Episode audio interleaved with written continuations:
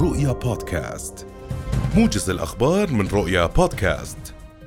أعلنت وزارة الصحة الفلسطينية في آخر إحصائية لها ارتفاع عدد الشهداء في قطاع غزة إلى 2750 شهيدا بينهم 614 طفلا و370 امرأة وأكثر من عشرة ألاف مصاب جراء عدوان الاحتلال الإسرائيلي المتواصل على القطاع. وبحسب هيئة البث العبرية فقد بلغ عدد القتلى من جنود الاحتلال الإسرائيلي والمستوطنين أكثر من 1500 قتيل بينهم 291 جنديا. ودوت انفجارات في منطقة تل الهوى جنوب غرب قطاع غزة بعد غارات مكثفة للاحتلال الإسرائيلي. هذا وشنت طائرة الاحتلال غارة على مقر الدفاع المدني في تل الهوى ما أدى إلى ارتقاء سبعة من طواقمه وإصابة آخرين. نفى مكتب رئيس وزراء الاحتلال الإسرائيلي بنيامين نتنياهو وجود اتفاق على هدنة حاليا أو إدخال مساعدات إنسانية إلى غزة مقابل إخراج الأجانب. وكانت وكالة رويترز قد أفادت نقلا عن مصدرين أمنيين مصريين أن القاهرة وتل أبيب وواشنطن اتفقوا على وقف مؤقت لإطلاق النار في غزة. بدورها قالت حكومة غزة إنه لم يتم التواصل مع المعنيين في غزة لوقف إطلاق النار ما يشكل تضاربا في الأنباء بهذا الخصوص.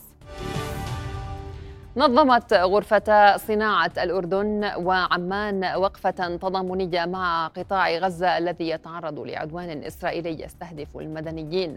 للمزيد تنضم إلينا من الوقفة مراسلة رؤيا ليلى خالد. ليلى أهلا بك. ضعينا في صورة هذه الوقفة. التضامنية. نعم ليلى يعني ككافة الفعاليات الشعبية والوطنية التي جرت في الأردن على مدار العشر أيام اليوم غرفة صناعة الأردن وعمان قامت وقفة يعني تنديدية لما يحصل في غزة من عدوان غاشم أدى إلى يعني أعداد كبيرة من الشهداء وتدمير البنى التحتية وتدمير كافة المرافق في غزة. للحديث أكثر عن هذه الوقفة ينضم إلي نائب رئيس غرفة صناعة الأردن السيد محمد الجيطان ليضعنا في الصورة أو يعني البيان الذي تريد غرفة صناعة الأردن إيصاله من خلال هذه الوقفة. بسم الله. صباح الخير صباح العز والكرامة. آه، حقيقة هذه الوقفة اليوم إحنا في غرفة صناعة الأردن والقطاع الصناعي كاملا للتعبير عن رأي عن رفضنا وشجبنا واستنكارنا للي عماله بيحصل بغزة واللي بيصير على الشعب الفلسطيني. حقيقة اجتمعنا اليوم للتعبير لكل العالم ولكل الجهات في كل العالم إنه إحنا بنرفض اللي حصل لإخواننا في غزة وفلسطين وإحنا اليوم كقطاع صناعي بنعلن تضامننا معهم بنوجه رسائلنا لكل دول العالم وللسفارات الأجنبية ولكل الجهات إنه إحنا مع الدعم ومع المقاومة ومع الشعب الفلسطيني لغاية ما ياخذ حقه. إحنا أعلنا في غرف الصناعة عن استعدادنا لتقديم الدعم المادي والمعنوي وإحنا قافلاتنا جاهزة للانطلاق إلى غزة بمجرد فتح المعابر الإنسانية الآمنة. لوصول هذه المساعدات سواء كانت مساعدات عينية أو مساعدات نقدية. القطاع الصناعي هب هبة واحدة لدعم إخواننا في فلسطين وبنأمل من الله عز وجل إنه تنحل هذه الأزمة ويتم حل هذه الأزمة بالنصر إن شاء الله. شكرا لك سيد محمد جيتان. آه، أيضا أود الحديث على الدور الصناعي المهم وتحديدا في الأردن التي تعتبر رئة لفلسطين رئة لتنفسها سواء اقتصاديا وصناعيا. للحديث أكثر عن أهمية دعم الصناعيين للصناعيين في فلسطين والقضية الفلسطينية كذاتها. نود الحديث معك حول هذه النقطة. معنا السيد تميم آه، تميم القسراوي نائب رئيس غرفة صناعة عمان. تفضل سيدي. بداية الله يعطيك العافية. بحيي أهل غزة ست لينا. ست ليلى الناس المقاومين والصامدين. هناك الصناعة دورها كبير. ما أنت شايفة إحنا اعتمدنا لما اعتمدنا على الغرب شفتي كيف الغرب انقلب على القضية وانقلبنا على على على كل مقاوم وكل شريف. قمة الظلم. فهو لا يمكن إلا الاعتماد على النفس. الاعتماد على النفس من خلال صناعة. شوف المقاومة كيف اعتمدت على أنفسهم استطاعوا هم محاصرين. كل دول العالم ضدهم استطاعوا يصنعوا صاروخ استطاعوا يصنعوا آه، طيارة بدون بدون طيار استطاعوا إنهم يوصلوا لبعد 600 600 كيلو متر فهذه هي الصناعة. صناعة بتعمل اعتماد اعتماد كبير للدول على غذائها وعلى دوائها وحتى على صناعاتها العسكرية. لا يمكن الاعتماد على الغرب. يجب الاعتماد على النفس من يوم الطالع. هذا ما تستطيع الصناعة أن تقوم فيه. يجب أن يكون هناك إرادة سياسية لدعم هذا التوجه وإن شاء الله راح نخرج منتصرين. وراسنا مرفوع بالمقاومة بغزة والكل يعرف إنه الاعتماد على الذات كان بمقاومته ولا بصناعته لا بديل عنها. كلنا مع المقاومة كلنا مع صناعاتنا كلنا على الاعتماد مع الذات. شكرا جزيلا سيد تميم. يعني آراء للصناعيين أيضا يتواجد معنا السيد رائد. حماده الرسالة التي نريد توجيهها من خلال هذه الوقفة وأهمية دعم أهمية دعم الصناعيين في فلسطين ووقفة الصناعيين في الأردن لدعم في غزة. يعني إحنا كأعضاء بغرف الصناعة الأردنية آه، عملنا هذه الوقفة اليوم التضامنيه مع أهلنا وإخواننا وعزوتنا. بغزة اللي رفعوا راسنا وراس الأمة العربية والإسلامية آه، وتداعت غرف الصناعة جميعها وعبر كافة لجانها إلى آه، آه، فتح باب التبرعات المادية والعينية كالأدوية التي يحتاجها الشعب الفلسطيني وبمس الحاجة لها. والحمد لله عم نشهد إقبال آه، ممتاز ومنقطع النظير من أبناء شعبنا الأردني. ومن الصناعيين خاصة بالتبرع لإخواننا في غزة المحاصرة. وإن شاء الله إنه بأقرب فرصة وبأقرب وقت وبجهود جلال سيدنا بفتح مع آه، ممر أو آه، معبر المصري أو ممرات إنسانية آمنة. لا توصل هاي المواد الغذائية آه، والمواد الطبية والمساعدات الإنسانية لأهلنا وإخواننا في غزة. لا. يعني ليلى هذه الوقفات آه، أقل ما يمكن أن يقدمه الشعب الأردني الشعب الصناعيين التجار حتى التجار يعني كل فئات الشعب. هي وقفة رمزية وأقل ما يمكن أن يقدموه لدعم آه، القضية الفلسطينية ولدعم أهلنا في قطاع غزة. اللهم ارحمنا فإذا كنا مع هذه الوقفة التضامنية من غرفة صناعة الأردن التي تنظمها الغرفة تضامنا مع أهالي قطاع غزة. ينضم إلينا الآن من قطاع غزة مراسلنا غازي العلول أهلا بك غازي ضعنا في آخر التطورات لديك نعم ليلى آخر التطورات هو ما أصدره جيش الاحتلال الإسرائيلي حول علمه بأن أكثر من 199 جنديا ومستوطنا باتوا اسرى في يد كتائب القسام منذ بداية هذه الحرب وهذه المعركة. يعني هذا رقم كبير. وبالفعل كان أبو عبيدة الناطق العسكري باسم كتائب القسام قال في الوقت السابق بأن آه، أن الاسرى لدى كتائب القسام أكثر من 100 أسير أو من الرقم المذكور. والرقم المذكور كان في وقتها 100 أسير.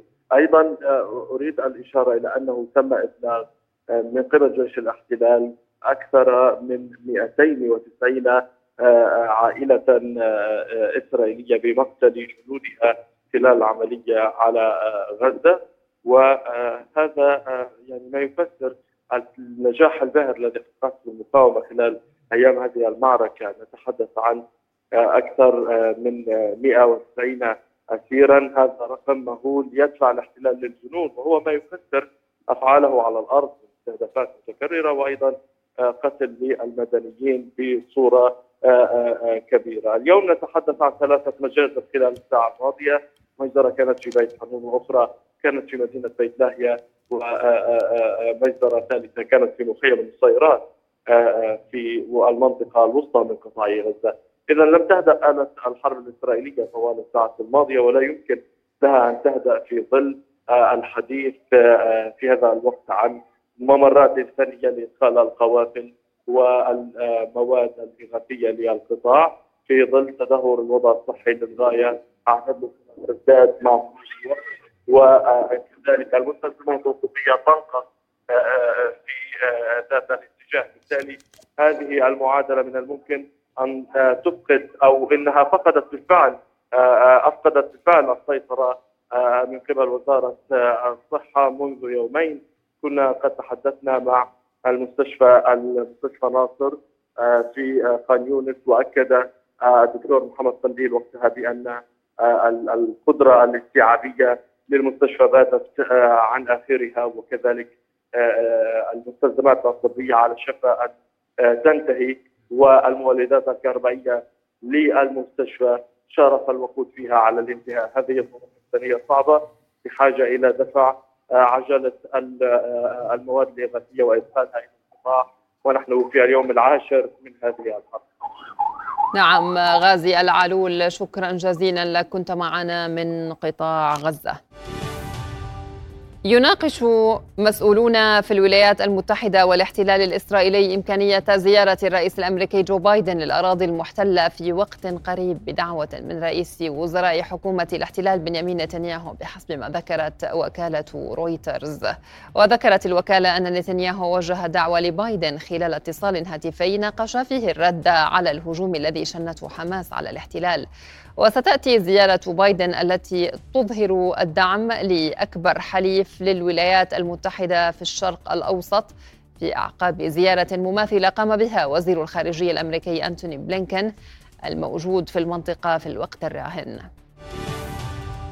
أعلن جيش الاحتلال اليوم تفعيل خطة لإجلاء سكان 28 مستوطنة ضمن نطاق كيلومترين من الحدود اللبنانية وذلك في أعقاب اندلاع أعمال قتالية مع حزب الله بالتزامن مع الحرب المتصاعدة في قطاع غزة. وكانت إحدى المستوطنات قد تعرضت لهجوم من حزب الله يوم أمس. وقالت وسائل إعلام عبرية أن ثمانية أشخاص أصيبوا بينهم أربعة بحالة خطيرة وصلت مستشفى نهاريا نتيجة الرشقات الصاروخية الأخيرة التي أطلقت من جنوب لبنان قبل أن تعلن مقتل أحدهم. قالت الشرطة الأمريكية إن رجلا من ولاية إلينوي طعن طفلا مسلما 26 طعنة وأرداه قتيلا في حين أصاب والدته بجروح خطيرة وهو يردد عبارات معادية للمسلمين والفلسطينيين. واتهمت الشرطة الرجل بارتكاب جريمة كراهية ضد الطفل البالغ من العمر ست سنوات وأمه. قائلة إن الضحيتين استهدفتا بسبب عقيدتهما الإسلامية. في سياق الحرب التي يشنها الاحتلال الإسرائيلي على قطاع غزة. وقال قائد شرطة مقاطعة ويل في بيان نشر على مواقع التواصل الاجتماعي تمكن المحققون من تحديد أن كلتا الضحيتين في هذا الهجوم الوحشي كانتا مستهدفتين من قبل المشتبه به بسبب كونهما مسلمين وبسبب الصراع الدائر في الشرق الأوسط بين حماس والإسرائيليين. في وقت لاحق ندد الرئيس الأمريكي جو بايدن بجريمة طعن الطفل ووصف الأمر بأنه عمل كراهية مروع. مع وقوف حكومة الاحتلال الإسرائيلي حجر عثرة أمام وصول المساعدات الطبية والدوائية إلى قطاع غزة لليوم العاشر منذ بدء العدوان عليه تتصاعد التحذيرات من إبادة بطيئة متعمدة ووحشية للغزيين بالتزامن مع دعوات بإخلاء المستشفيات هناك التي خرجت غالبيتها عن الخدمة. للحديث حول هذا الملف نرحب برئيسة المكتب الإعلامي الإقليمي لأطباء بلا حدود إيناس أبو خلف. إيناس أهلا بك. يعني آه، سيدة إيناس آه، منظمة أطباء بلا حدود تقدم المساعدة الطبية للأشخاص المتضررين جراء النزاعات والأوبئة الكوارث الطبيعية الحرمان تقدم لهم الرعاية الصحية. وهذه الفرق تتكون من عشرات آلاف الخبراء الطبيين اللوجستيين الإداريين وهي تلتزم في عملها بالأخلاقيات الطبية ومبادئ الاستقلالية والحيادية وعدم التحيز. أين تذهب جهودكم اليوم سيدة إيناس؟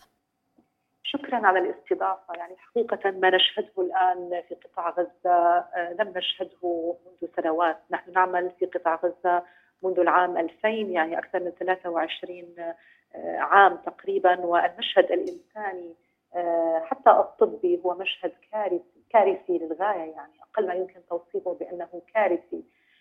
اليوم يعني الاحتلال الإسرائيلي يمارس سياسة عقاب جماعي ضد المدنيين المحاصرين في قطاع غزة منذ أكثر من 16 عاما ولكن تضييق الخناق الآن على هذا الحصار يعني يطلق رصاصه الرحمة على المدنيين للأسف.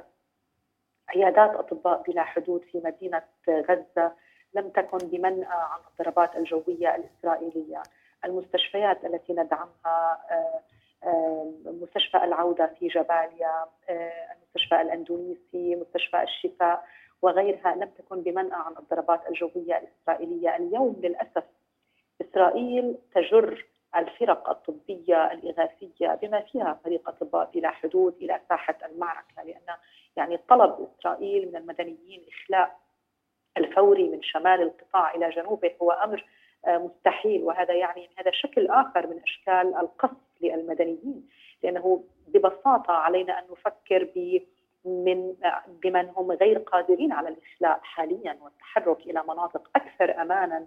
هذا إن وجدت على فرضية أن هناك أماكن أكثر امانا.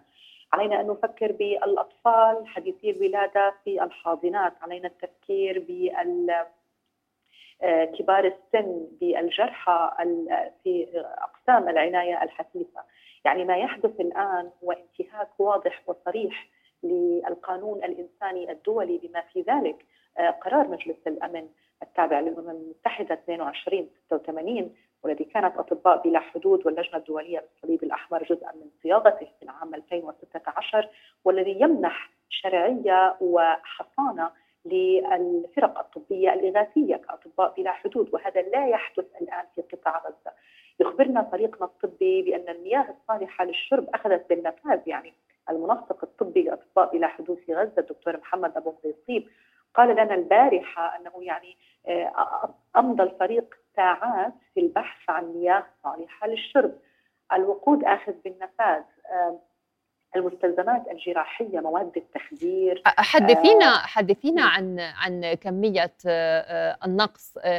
آه، كمية التخصصات التي تحتاجها مستشفيات قطاع غزة لتستمر بتقديم الخدمات الإغاثية للجرحى. حقيقة القطاع الصحي في قطاع غزة هو بطبيعة الحال يعني متهالك نتيجة الحصار كما ذكرت. والآن يعني آه، هناك نقص في كل شيء يعني هناك نقص في كل شيء. المستلزمات الطبية سواء المستهلكات الطبية الأدوية مواد التخدير نعم. اللازمة للعمليات الجراحية آه، حتى مسكنات الألم. يعني يخبرنا فريقنا الطبي الآن أن المرضى يصرخون من شدة الألم يعني أبسط المستلزمات. بالطبع بالطبع نعم. أبسط المستلزمات. حتى مسكنات الألم غير تتوفر. اعطيك مثال الأسبوع الفائت يعني استخدمنا مخزون احتياطي من المستهلكات الطبية يكفينا لثلاثة أسابيع. استهلكناه في غضون أيام. فهذا يعني أن كافة المستلزمات نعم. الطبية نعم. آخذة بالنفاذ ولذلك لابد من توفير مساحة آمنة فورية طيب السيدة المواد الإغاثة الطبية وأيضا الإنسانية المياه الطعام وغيرها طيب سيدة إيناس يعني حضرتك رئيسة المكتب الإعلامي لأطباء بلا حدود حدثينا عن التنسيق يعني بينكم كمكتب إقليمي متواجد في فلسطين وفي قطاع غزة مع يعني المكتب الأم لإيصال هذه الخدمات الإغاثية المستعجلة للقطاع كون المؤسسة المفروض أنها تعمل بأخلاقيات وتعمل من دون حياد وتعمل بهذه الكوارث والنزاعات. بكل تأكيد موقف أطباء بلا حدود كمنظمة إغاثة منظمة إغاثة طبية إنسانية كان واضحا منذ البداية وهذا يعني موقف تم صياغته آه، بالعمل عن كسب مع فرقنا داخل الأراضي الفلسطينية ليس فقط في قطاع غزة ولكن في الضفة الغربية حيث نحن متواجدون أيضا في نابلس والخليل وما يجري الآن في الأراضي الفلسطينية هو انتهاك مستمر آه، لكرامة الشعب الفلسطيني بأكمله بينما أتحدث معك الآن عن قطاع غزة هناك جرحى وشهداء يتدفقون إلى آه، مستشفياتنا في الضفة الغربية أيضا بسبب ممارسات الاحتلال والمستوطنين المحشية. آه، بما يتصل بموقف أطباء بلا حدود. يعني بداية نحن نقوم بدورنا آه، المنصب على آه، رعاية الجرحى والمرضى ولكن أيضا لا ننفك أن ننقل للعالم العربي والغربي ما يحدث في الأراضي الفلسطينية الآن. ولذلك فإن موقفنا موحد ويعكس الموقف الرسمي للمنظمة حيثما وجدت في في أوروبا ومكتبنا الدولي وأيضا مكاتبنا الإقليمية في المنطقة، التحدي الأكبر الآن هو أن تسمع هذه النداءات، التحدي الأكبر الآن هو أن يقوم المجتمع الدولي بدوره في آه، وضع الضغط الكافي على إسرائيل لإيقاف هذه الهجمات الشرسة التي لا تميز بين مدنيين وغيرها من الأهداف. اليوم قطاع غزة هو من أكثر الأماكن اكتظاظا على مستوى العالم. يعني فأثر كل ضربة إسرائيلية على السكان هو أثر آه، يعني آه، خطير جدا وعلينا أن أن نلتفت إلى ضرورة التسريع في الاستجابة الدولية آه، لتغطية هذه الاحتياجات. طب ماذا ماذا عن التطوع من خارج القطاع غزة من خارج قطاع غزة ك يعني ككوادر طبية كون يعني هنالك استهداف واضح وصريح وعلني للكوادر الطبية وتم استهداف أكثر من يعني أكثر من من 20 سيارة إسعاف في قطاع غزة. يعني هذا هو المطلب الآن، المطلب هو توفير ممرات إنسانية آمنة لإدخال الكوادر الطبية وأيضا مواد الإغاثة الطبية، فمعبر رفح المصري وهو كان يعني المعبر الوحيد الذي يسمح باعطاء بارقه أمل لإدخال مواد الإغاثة تم قصفه وتعطيله وإن فتح ويفتح لساعات محدودة لا تسمح لإدخال آه، ما يكفي من الاحتياجات. فهذا هو المطلب. المطلب هو أن يكون هناك مساحة كافية لإدخال ليس فقط مواد الإغاثة ولكن أيضا الفرق الطبية آه، المتخصصة، نحن بحاجة إلى تخصصات هنا، مستشفى الشفاء الآن لا يوجد به سوى جراح واحد فقط و وطبيب تخدير لا ممرضين الآن لأن حتى الفرق الطبية هم في نهاية الأمر يبحثون عن ملجأ. نحن يعني سمعنا ورأينا أطباء يعني يعني يحضرون عائلاتهم إلى المستشفيات حتى يكون هناك يعني ملجأ وأمن لهم. نعم. فهم أيضا يحاولون البحث عن عن عن الأمن وغيره، علينا أيضا أن ننظر إلى خطورة قائمة آه، في حال آه، يعني آه، حصل تعطل في شبكات الصرف الصحي إذا حصل انتشار أوبئة وأمراض نعم. بالتأكيد فعلينا نعم. أيضا أن نلتفت إلى إلى الأثر القريب لما يحدث الآن طيب و... بشكل سريع سيدة إيناس حدثينا عن الدعم النفسي الذي من الممكن أن تقدمه هذه أن تقدمه هذه المؤسسة في ظل يعني هذه الحرب الدائرة دعم نفسي للأطباء دعم نفسي يعني آه، آه، للأشخاص آه، يعني الذين عاشوا هذه الحرب ورأوا يعني بأم أعينهم الشهداء الدمار الرعب الخوف. بكل تأكيد نحن نحاول أن نجعل المتخصصين لدينا لتوفير الدعم النفسي في جميع مكاتب أطباء بلا حدود وبعثات أطباء بلا حدود حول العالم أن يكونوا على اتصال. قدر المستطاع مع فرقنا الطبية والذين يزيدون عن 300 شخص الآن في قطاع غزة. وأيضا دعم الفرق الطبية لشركائنا في قطاع غزة من المستشفيات والعيادات التي ندعمها. هذا أمر مهم جدا ويجب أن لا يعني نغفل عنه. نغفل عنه 100% يعني لأنهم يعني شهدوا حول الصدمة لما جرى في قطاع غزة. أنا أذكر في بداية العدوان الإسرائيلي الأسبوع الفائت كان المسؤول الطبي لدينا غير قادر حتى على الحديث وغير قادر على التعبير. من شدة الصدمه لما شهدت شهدته فرقنا هناك. لا أمن لا أمان ضربات جوية مستمرة. نفاذ في المعدات الطبية. قلق مستمر اليوم الأطباء غير قادرين حتى على التحرك للعمل بالمناوبات يعني نظام المناوبات الطبية. إنهاك نفسي إنهاك جسدي عمل تحت الضغط لا يعلمون ماذا سوف يحدث بعد ساعة. آه، فرقنا في مستشفى العودة في جباليا وبعد ساعتين من تلقي الإخبار الإسرائيلي بالإخلاء أمضوا الليل في الشارع على مقربة من تفجيرات مهولة كانت قريبة جدا من مستشفى العودة في جباليا.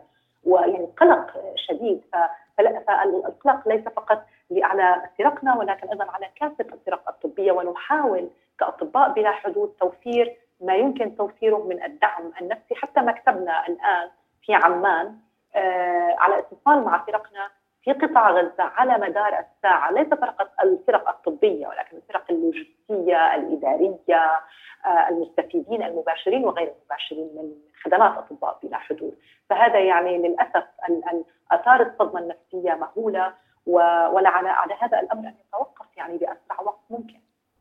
نتمنى ذلك. نشكرك جزيل الشكر. رئيسة المكتب الإعلامي لأطباء بلا حدود إيناس أبو خلف كنت ضيفنا عبر الهاتف. بهذا نكون قد وصلنا لنهاية الموجز. إلى اللقاء.